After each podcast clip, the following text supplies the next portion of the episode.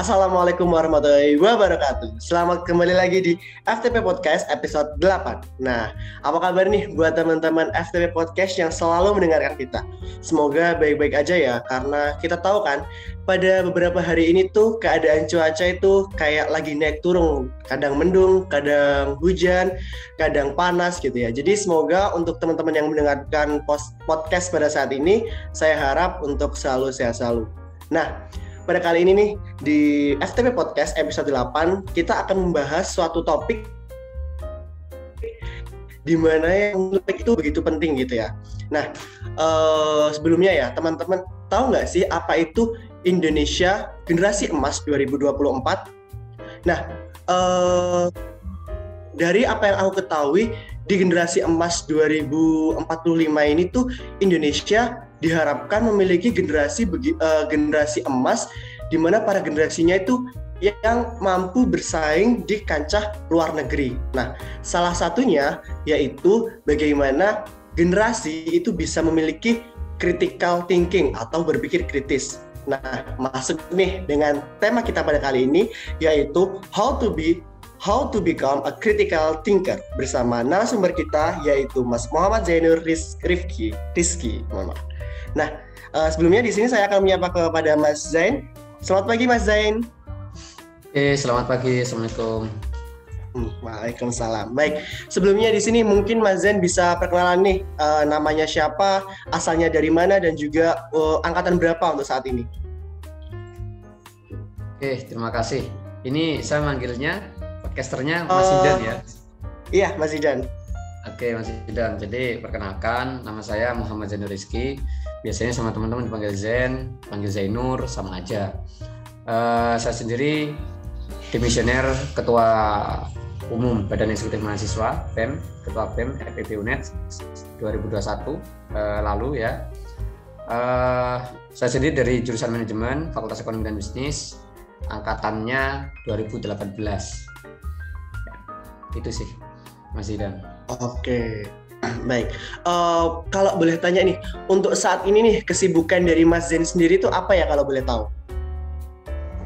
Ya, kalau bicara kesibukan, memang uh, dunia akademik saya dan dunia uh, kampus dan kemahasiswaan saya memang tidak jauh dari yang namanya organisasi gitu, Mas. Jadi uh, setelah menjadi ketua BEM, saya kemudian sekarang juga didaulat menjadi Eh, koordinator wilayah Ikatan Senat Mahasiswa Ekonomi Indonesia ISMI untuk koordinator wilayah se-Jawa Timur. Nah, artinya wilayah 7 gitu. Dan uh, di sisi lain juga saya sekarang juga masih aktif menjabat menjadi ketua umum di salah satu organisasi eksternal kampus. Nah, saya juga menjadi ketua umum di situ. Jadi aktivitas saya memang tidak jauh dari organisasi karena dunia akademik saya pun Eh, program studi saya dan konsentrasi saya itu juga bicara tentang uh, organisasi dan sumber daya manusia. Itu sih, Mas. Oh, oke. Okay. Eh, kalau boleh tahu juga kabar dari Zain sendiri gimana ya kan dengan begitu banyak aktivitas yang dilalui, mungkin uh, untuk kabar pada saat ini apakah Zain sedang sehat atau mungkin bagaimana untuk pada saat ini? Ya, uh, tentu, alhamdulillahnya uh, saya sendiri sehat, alhamdulillah, dan uh, dalam kondisi lain bersemangat tentu bersemangat, apalagi uh, bertemu dengan kawan-kawan FTP, kawan-kawan BEM FTP yang kemudian ya saya mengingatkan mengingatkan saya lagi lah bagaimana saya harus tetap berjiwa uh, muda seperti masa-masa ketika aktif di BEM. Baik, jadi semoga juga dari Mas Zain sendiri uh, dengan begitu banyak aktivitas semoga sehat selalu dan juga diberi semangat selalu. Amin. Nah, baik untuk mungkin langsung kita langsung ke topik utama ya di mana kita membahas tentang how to become a critical thinker. Nah, dari menurut Mas Zain sendiri nih, apa sih itu critical thinking? Oke. Jadi bicara soal critical thinking, sebelum itu Eh, kita tahu namanya berpikir adalah metode menghasilkan sebuah keputusan, sebuah pilihan dari banyak sekali informasi, data, wisdom dan sebagainya. Nah, eh, critical thinking itu adalah salah satu metode saja dari sekian metode berpikir gitu kan nah maka kalau kita pahami critical thinking sebenarnya adalah sebuah kemampuan di mana uh, seseorang itu berpikir secara eksploratif.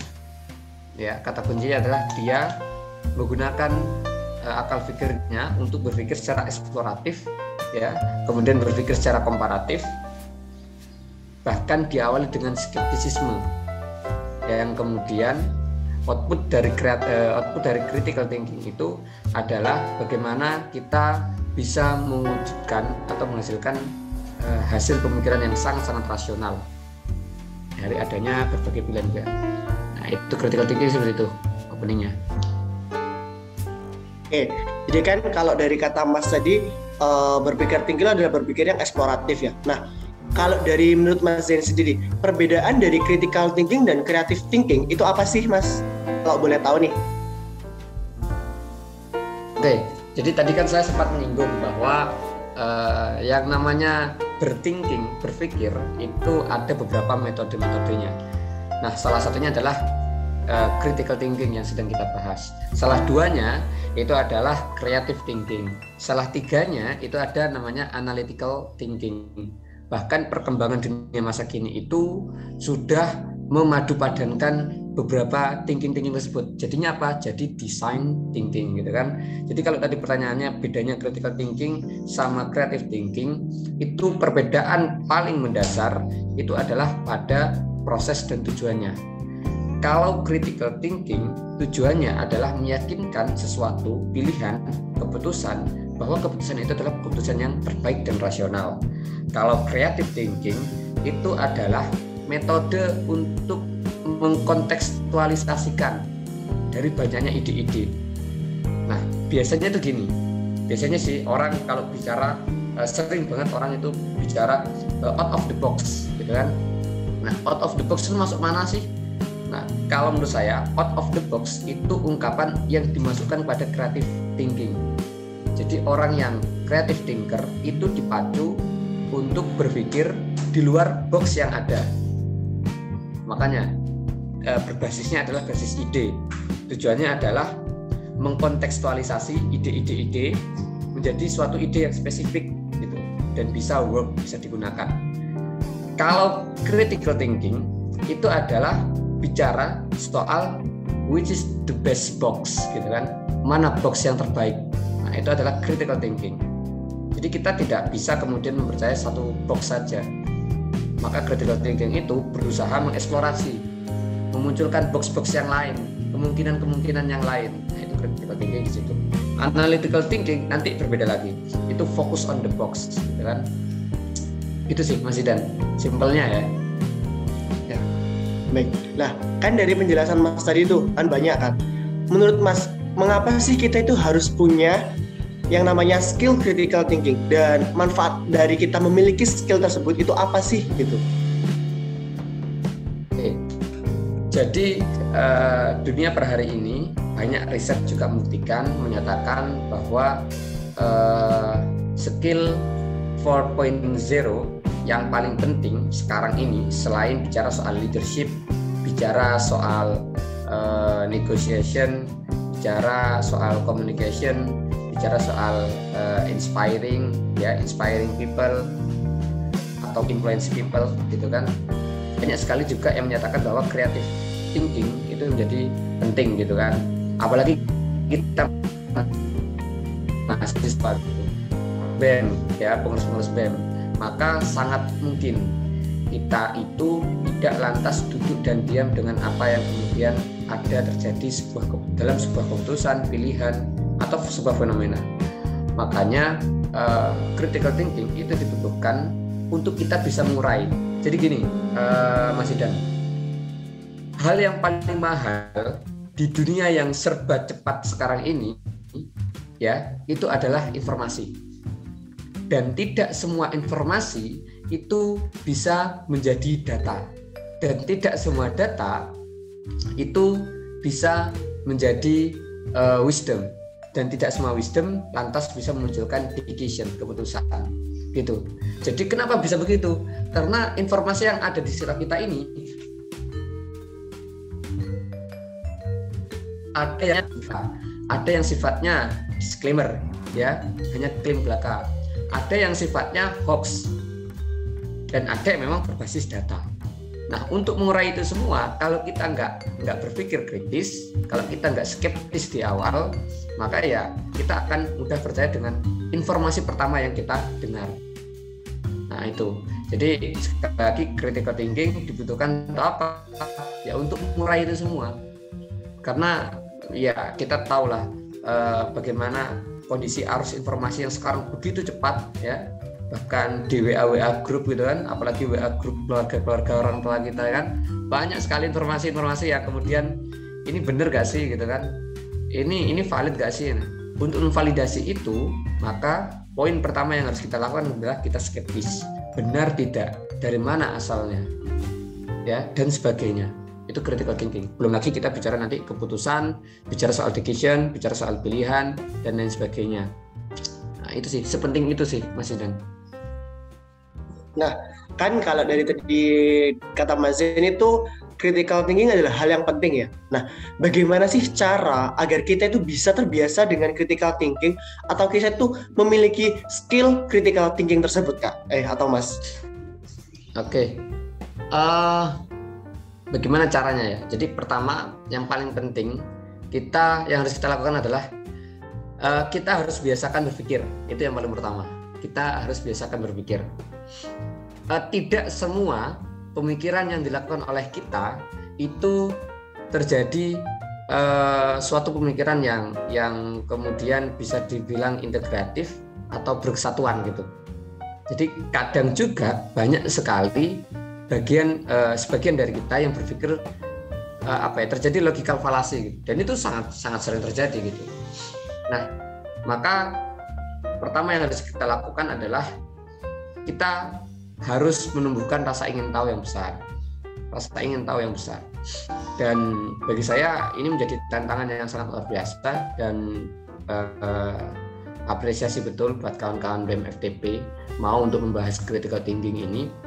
Kenapa? Karena di dunia mahasiswa kita sekarang ini saya pun juga merasakan apalagi kawan-kawan adik-adik di mahasiswa juga sudah banyak yang kemudian uh, mereka prosesnya adalah dari daring yang kemudian mendadak luring dan sebagainya itu ya memang preferensi dan informasi itu sangat sangat uh, minim diketahui secara kasat mata secara langsung banyaknya informasi itu terurai ya secara bebas dan tidak terkendali. Itu informasi, ya. Jadi uh, informasi kita di di era zaman zaman sekarang ini itu relatif tidak terkontrol. Nah, ketidakkontrolan ini yang kemudian memaksa kita untuk berpikir kreatif dengan cara apa? Pertama kita harus skeptis dulu. Uh, skeptis sama sama uh, suudon sama nggak ya nggak sama sebenarnya ya nggak sama gitu jadi skeptis itu adalah uh, pada sesuatu hal apa pun kita selalu menanyakan dan menimbulkan uh, kemungkinan-kemungkinan gitu. Nah itulah proses berpikir kreatif. Proses lainnya selain selain kita skeptis rasa ingin tahu yang besar maka kita harus perbesar preferensi. Karena percuma kalau kita membayangkan sesuatu, sedangkan referensi kita hanya pada berkutat A, B, C saja, atau A, B, C, D saja, ya maka kita tidak akan jauh-jauh berpikirnya dari situ. Oke lah, kita tahu silogisme. Kita tahu rumusnya bahwa A sama dengan B, B sama dengan C, maka A sama dengan C. Namun untuk bagi mereka yang kreatif thinker, dia tidak akan menyatakan bahwa A sama dengan B, B sama dengan C, A sama dengan C. Orang yang kreatif thinker dia akan kemudian memunculkan kemungkinan-kemungkinan yang lain. Apa kemungkinannya? Ya nggak selalu A sama dengan C. Bisa jadi A sama dengan D E F G bahkan sampai Z. Nah itulah orang kreatif thinker jadi kenapa? Ya sejauh mana dia punya referensi yang yang besar gitu. Itu uh, bagi teman-teman yang kemudian ingin berpikir kreatif. Dan berpikir kreatif adalah kalau saya ya biasanya ya dimulai dari suatu hal-hal yang kecil saja. Sesuatu hal yang yang kemudian dianggap wajar oleh banyak orang. Dianggap wajar oleh sebagian orang. Nah kemudian layak juga itu kita berpikir apakah iya seperti itu apakah benar seperti itu nah jadi sekali lagi orang yang berpikir kreatif itu nggak ada batasannya Mas Ida sejauh sejauh mana juga dia punya referensi itu deh makasih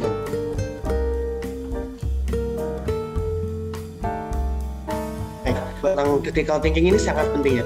Namun, apakah thinking ini berhubungan erat dengan problem solving, Mas? Uh, atau itu sangat berhubungan. Kenapa? Ya, pertama uh, metode metode critical thinking itu kan berusaha memunculkan kemungkinan-kemungkinan yang lain, gitu kan. Jadi tidak serta merta apa yang kemudian menjadi sebuah keputusan apa yang menjadi sebuah sebuah e, kebijakan itu kemudian lantas kita wajarkan dan ya kita santai aja dengan itu. Tidak. Kita selalu menunjukkan kemungkinan-kemungkinan yang lain. Maka dan untuk menghasilkan sebuah e, problem solving yang baik pun ya tidak lantas hanya ada satu solusi. Kita kan harus menunjukkan kemungkinan-kemungkinan yang lain. Nah sebenarnya saya ingin menunjukkan juga uh, Mas Idan. Cuman ini saya bisa nggak jadi apa untuk share screen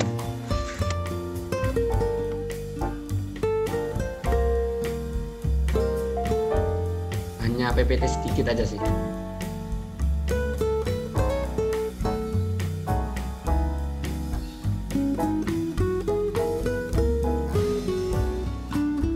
Uh, mohon maaf ya mas ya sebelumnya uh, bisa ya?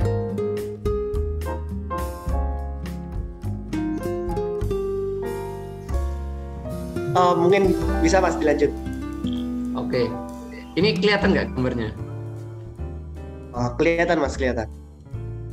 Oke, jadi begini uh, Mas Jidan, sedikit aja bahwa uh, uh, critical thinking itu nggak satu-satunya metode berpikir yang uh, kita gunakan ya atau yang wajib kita gunakan atau yang satu-satunya itu saja yang kita gunakan tidak tapi critical thinking kemudian creative thinking analytical thinking di era yang baru ini kita kemudian bisa memadu-madankan itu. Nah banyak orang yang kemudian menyampaikan itu sebagai design thinking dan sebagainya. Contoh saja apa yang kita lihat di di layar kali ini ya ini ada ikan nemo yang lainnya ke kiri ada satu ikan nemo ke, kanan. Itu metode berpikir yang yang kreatif gitu. jadi bagi mereka yang kemudian kreatif thinker dia akan mencoba untuk memunculkan ide baru. Maka berkaitan dengan problem solver problem solving ya nggak ada salahnya juga kita mengadu padankan creative thinking dan critical thinking. Ya. Kemudian untuk yang analytical thinking dia fokus pada satu satu uh, keputusan atau satu pilihan. Dan dia kemudian menganalisis ya memakai sudut pandang dirinya.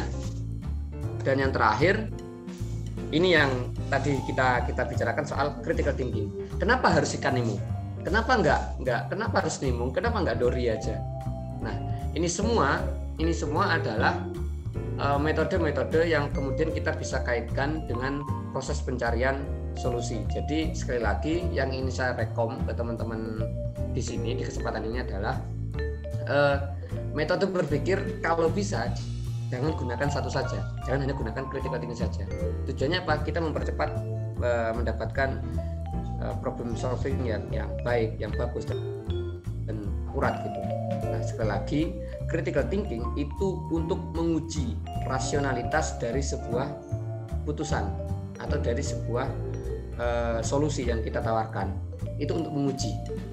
Ya sekali lagi itu untuk menguji. Nah, proses untuk menemukan itu nah salah satunya kita bisa memadupadankan dengan thinking thinking yang lain gitu Mas jadi nggak ada salahnya juga kalau kita kemudian uh, apa mumpuni di banyak banyak metode berpikir gitu ya itu sih kira-kira Mas Dan Baik Mas. Nah untuk selanjutnya nih, kan tahu bahwa Mas Zain ini adalah seorang yang berkecimpung di keorganisasian dan juga sedang mas masih di tahap perkuliahan ya. Nah, bagaimana sih langkah-langkah penerapan critical thinking dalam dunia pendidikan maupun organisasi? Ya, uh, dunia pendidikan di sini kan di kuliah ya, gitu ke akademik ya. Jadi sekali lagi bagaimana menerapkannya?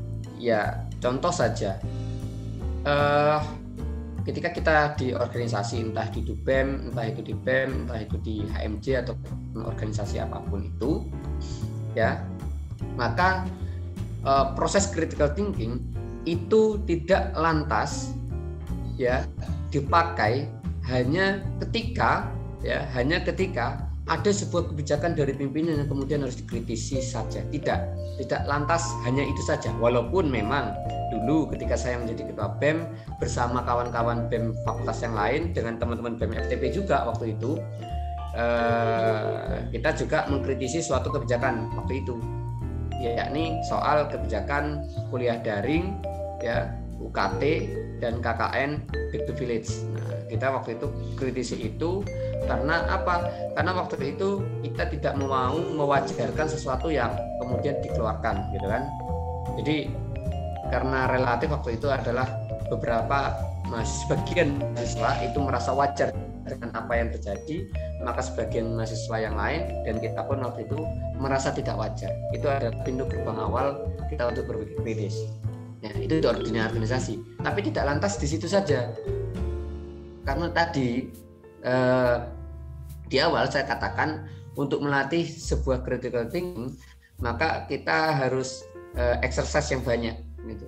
latihan yang banyak, latihan berpikir yang banyak. Di mana kalau kita di mungkin sejak dari rapat departemen kita proses lah itu berpikir kreatif, berpikir eh, kritis kemudian ketika kita rapat harian, ketika kita uh, rapat kepanitiaan, itu adalah proses-proses kita untuk berpikir kritis.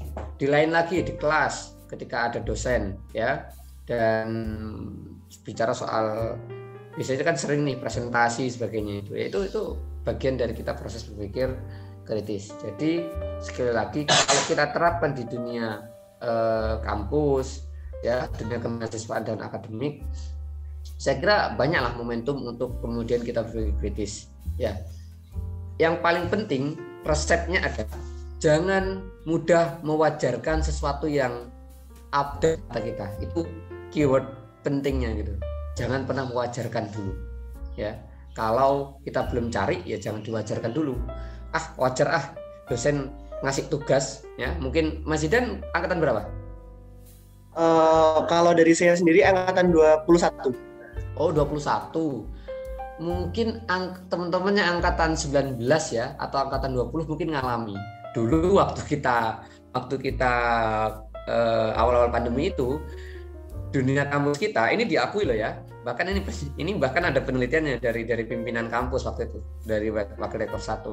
Bicara soal tugas jadi awal-awal pandemi dulu mahasiswa itu banyak sekali tugas. Nah sebagian dari kita itu mengajarkan sebagian dari yang lain pun tidak mengajarkan. Waktu itu eh, beberapa memang mengajarkan. Ya sudah lah apa namanya kita pandemi kan ya kita kuliahnya berbasis tugas. Tapi lama kelamaan itu overload.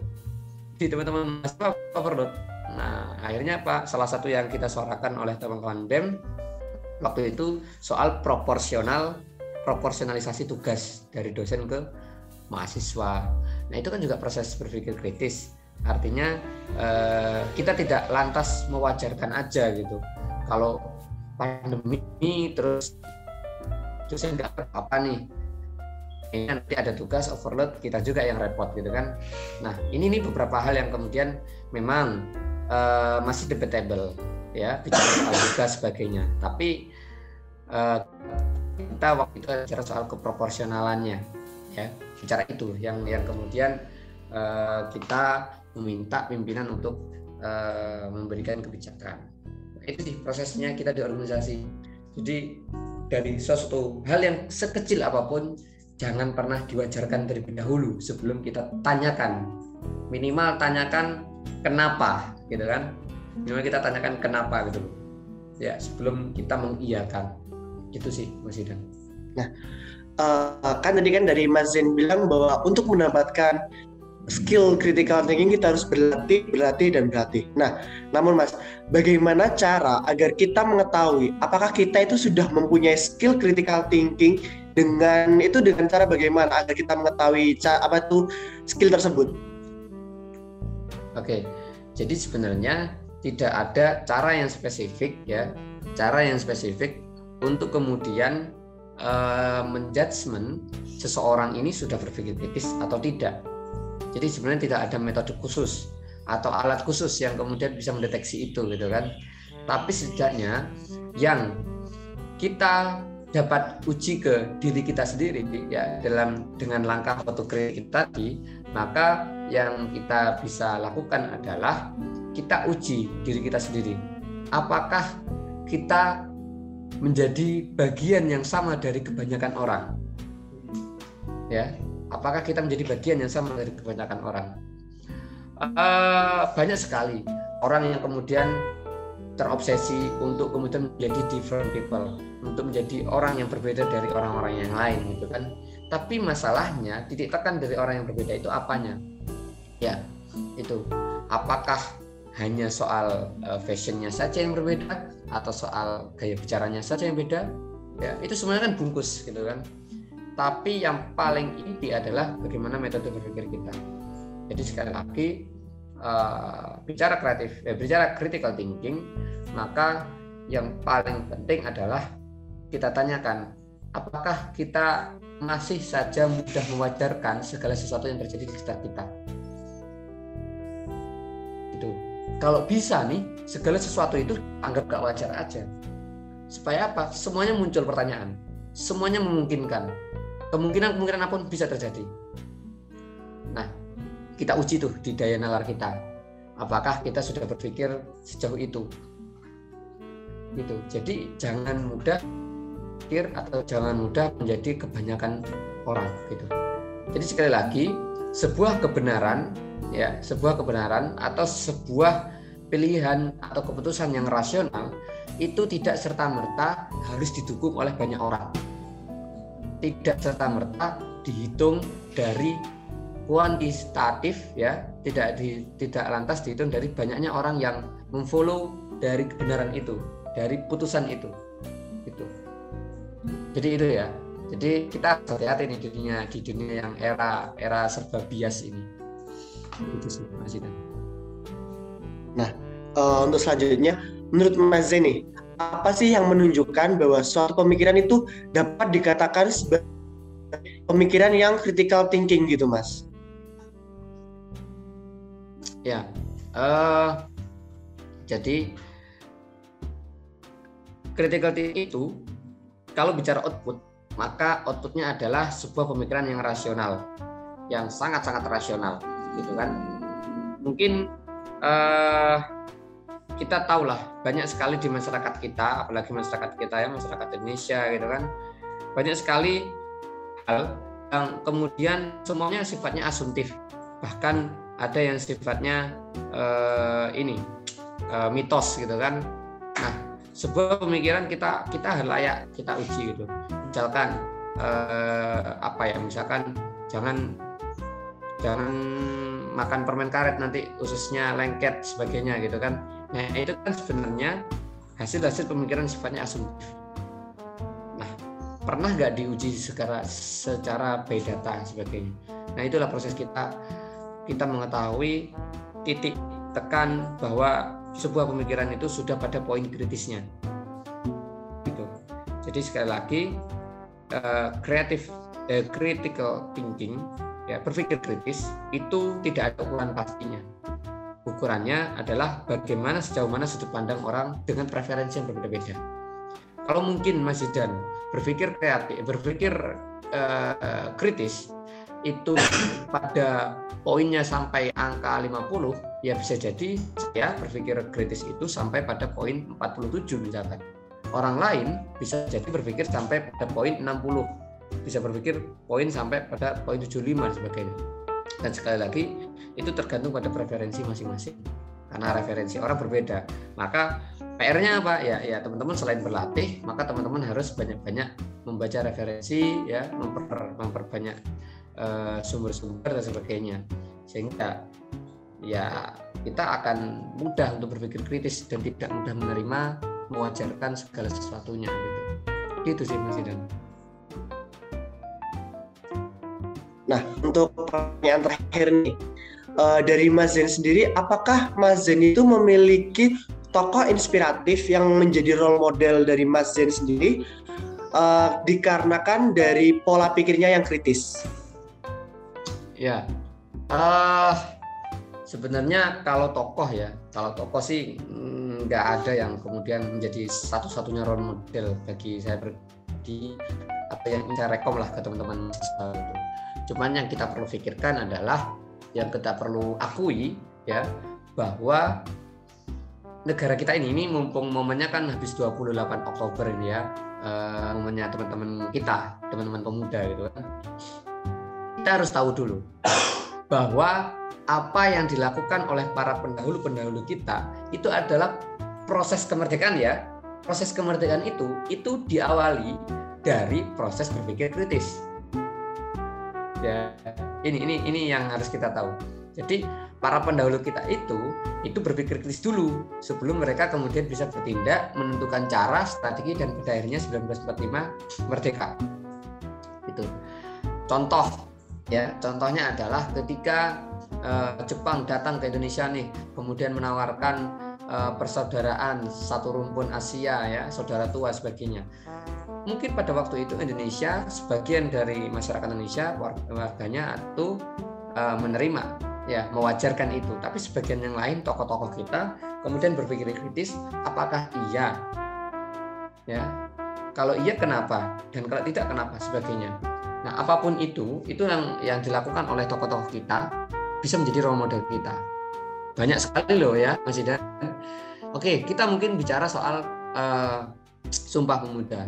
Kita tahu bahwa tokoh-tokoh dari pemuda kita, jadi kita kalau bikin role model jangan jangan ambil yang role model yang sudah ya. Ini ini salah satunya ya, salah satunya. Bisa juga kita jangan ambil dari role model yang mereka kiprahnya pada usia-usia yang di umur-umur uh, sudah sudah jauh dari kita Kenapa tidak lantas kemudian kita ambil ketika masa mudanya?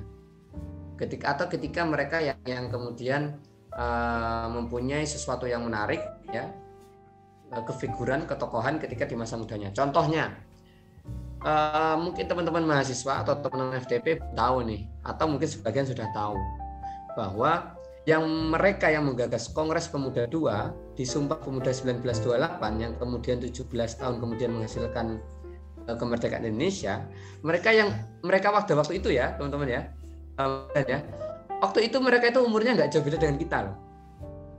Ketua Kongres waktu itu namanya Bapak Sugondo mencanakan Kongres waktu dia menjadi ketua Kongres itu adalah berumur 23 tahun, gitu kan?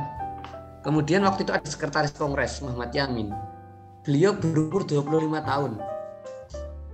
Dan kemudian ada satu lagi uh, Syarifuddin yang waktu itu berumur 21 tahun gitu. Dan mereka itu berumur yang sama seperti kita gitu. Jadi alangkah lebih baiknya ketika bicara role model ya kita carilah role model uh, orang-orang yang berpikir kritis pada di usianya muda. Nggak perlulah kita jauh-jauh keluar negeri sebagainya kan untuk mencari role model bahwa ternyata banyak dari kalangan yang seumuran dengan kita pada waktu itu sudah punya poin kritis yang jauh lebih hebat bahkan mungkin jauh lebih hebat dari proses berpikir kritisnya eh, anak-anak zaman sekarang gitu. Jadi sekali lagi walaupun di belakang saya ini banyak sekali tokoh-tokoh yang terpampang gitu kan di, di layar zoomnya eh, ya di samping dari itu ya role model itu sangat banyak. Gitu sangat banyak yang kita bisa jadikan model berpikir kritis kita. Kalau kita bicara berpikir kritis ya mungkin beda lagi dalam konteks yang lain memimpin dan sebagainya. Itu kan punya role model sendiri-sendiri. Itu sih Mas Idan. Baik, sebelum mengakhiri pada FTP Podcast kali ini, mungkin nih, Mas Zen, apakah ada pesan-pesan untuk teman-teman yang mendengarkan podcast ini agar mereka memil, uh, memiliki skill berpikir berpikir berpikir kritis atau skill critical thinking? Oke, mungkin kalau pesannya adalah jadi sebenarnya kalau di, diamati ya apa yang saya sampaikan dari awal sampai akhir tadi, poin pentingnya apalagi untuk kita kawan-kawan mahasiswa ya yang katanya uh, agent of change ya dan lain sebagainya maka yang paling penting dari yang kata kunci yang saya sampaikan adalah jangan mudah mewajarkan segala sesuatu yang terjadi di sekitar kita jangan diwajarkan terlebih dahulu. Kenapa? Karena yang harus disadari bahwa arus informasi di dunia yang serba modern ini itu betul-betul tidak terkontrol. Apa pun yang masuk ke telinga kita, apa pun yang masuk ke HP kita, apa pun yang masuk ke ke mata kita, semua itu tidak lantas pasti berbasis data. Dan tidak juga semua itu eh, apa keluar dari asumsi-asumsi pribadi subjektif gitu kan. Nah, jadi sekali lagi eh, jangan mudah mewajarkan terlebih dahulu apa pun itu. Entah itu di dunia organisasi dunia kemahasiswaan ya eh, kemudian juga dunia akademik itu ketika poin awal ini kita sudah masuk ya poin awal ini sudah masuk maka saya rasa eh, kawan-kawan mahasiswa per hari ini ya akan mudah selamat dengan era-era yang yang arus informasinya sangat-sangat ya sangat-sangat susah dikontrol kebenarannya. Jadi zaman sekarang itu Mas Idan untuk membuat untuk menguji kebenaran susah juga. Kenapa? Ya karena memang semuanya serba serba terbuka gitu. Sedangkan mungkin langkah yang paling mudah kita lakukan alur berpikirnya adalah bagaimana segala sesuatu eh, tesis itu tadi kita bisa mengantitesa pada akhirnya muncul sintesa. Walaupun sintesa pada akhirnya akan menjadi tesis lagi, ya kita harus mengantitesis lagi dan kemudian akan menjadi muncul sintesis lagi dan begitu seterusnya, begitu seterusnya. Jadi sekali lagi buat teman-teman ya jangan pernah mewajarkan segala sesuatunya karena nggak bisa juga segala sesuatu itu kita anggap wajar-wajar saja kemudian kita terima begitu saja dan proses critical thinking berpikir kritis itu saya rasa juga tidak hanya pada uh, dunia kita yang per hari ini saja tapi dunia kita yang mendatang. Tadi Mas Idan sempat bicara uh, soal kontribusi pemuda dan 2045 yang katanya akan menjadi emas gitu kan. Maka sangat layak lah kalau kita kemudian berpikir di hari ini apakah iya 2045 itu betul-betul akan menjadi emas? Apakah apakah eh, tidak mungkin ya? Apakah tidak mungkin? Kita tahu dunia dunia industri dan dunia kampus hari ini. Kita tahu seberapa banyak ya, mohon maaf, seberapa banyak eh, lulusan-lulusan kita per hari ini itu pada akhirnya entah bekerja tidak sesuai, tidak linear dengan dengan uh, studinya atau ya mohon maaf mungkin menjadi pengangguran. Dan berapa besar sih angka pengangguran? Apakah tidak mungkin juga 2045 itu tadi ya kita akan menjadi negara yang panen pengangguran? Ya bagi saya kalau kita berpikir kritis boleh saja kita mengatakan demikian. Sangat mungkin. Nah tapi itu kan sesuatu yang akan terjadi di masa depan yang kita bisa atur di masa kini. Maka salah satu hal yang saya harapkan bisa dikawal nih oleh teman-teman BMFTP di dunia kampus FTP, maka eh, teman-teman sering-seringlah berkomunitas. Bikin bikinlah komunitas dengan sesuai dengan tujuan dan kemauan atau eh, minat bakat masing-masing. Bolehlah dikawal oleh BM, BM, eh, oleh BMFTP gitu kan. Dan mulailah berpikir kritis di dalam komunitas itu. Karena bagi saya ya tidak percuma kalau kita berpikir kritis ketika kita sendirian. Nggak percuma ya, tapi alangkah lebih baik kalau kita berpikir kritis, kita ada temannya untuk berpikir. Jadi kita ada pembanding gitu. Kita ada preferensi, preferensi pembanding, pembanding referensi sebagainya.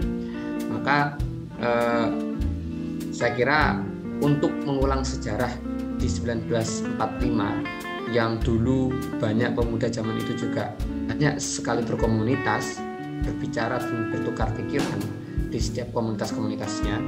Ya saya kira banyak sekali. Maka nggak salah juga dong kita per hari ini banyak-banyak ini berorganisasi apalagi teman-teman yang sudah menjadi pengurus band gitu kan. Jangan sampai BEM eh, kita hanya berkutat pada program kerja dan realisasinya ya. Tapi orientasikan juga pada kemudian organisasi yang learning organization jadi organisasi yang berbasis pembelajaran ya dan organisasi yang berbasis ide jadi kaya sama ide. Nah, saya kira kawan-kawan BEM FTP bisa lah untuk mewujudkan Baik, terima kasih Mas. Nah, buat teman-teman ini, karena ini sudah di penghujung acara, uh, terima kasih sudah mendengarkan Podcast pada kali ini di mana kita membahas tentang how to become a critical thinker. Dan buat kalian yang mendengarkan podcast ini jangan lupa untuk menjadi seorang yang critical thinking, berpikir rasional dan jangan mudah jangan mudah mewajarkan sesuatu agar kita bisa menjadi generasi yang lebih maju lagi dan membuat Indonesia lebih maju lagi. Terima kasih dan jangan lupa untuk menunggu FTP Podcast selanjutnya. Kurang lebihnya saya mohon maaf. Dari saya Muhammad Jayadi dan undur diri. Wassalamualaikum warahmatullahi wabarakatuh.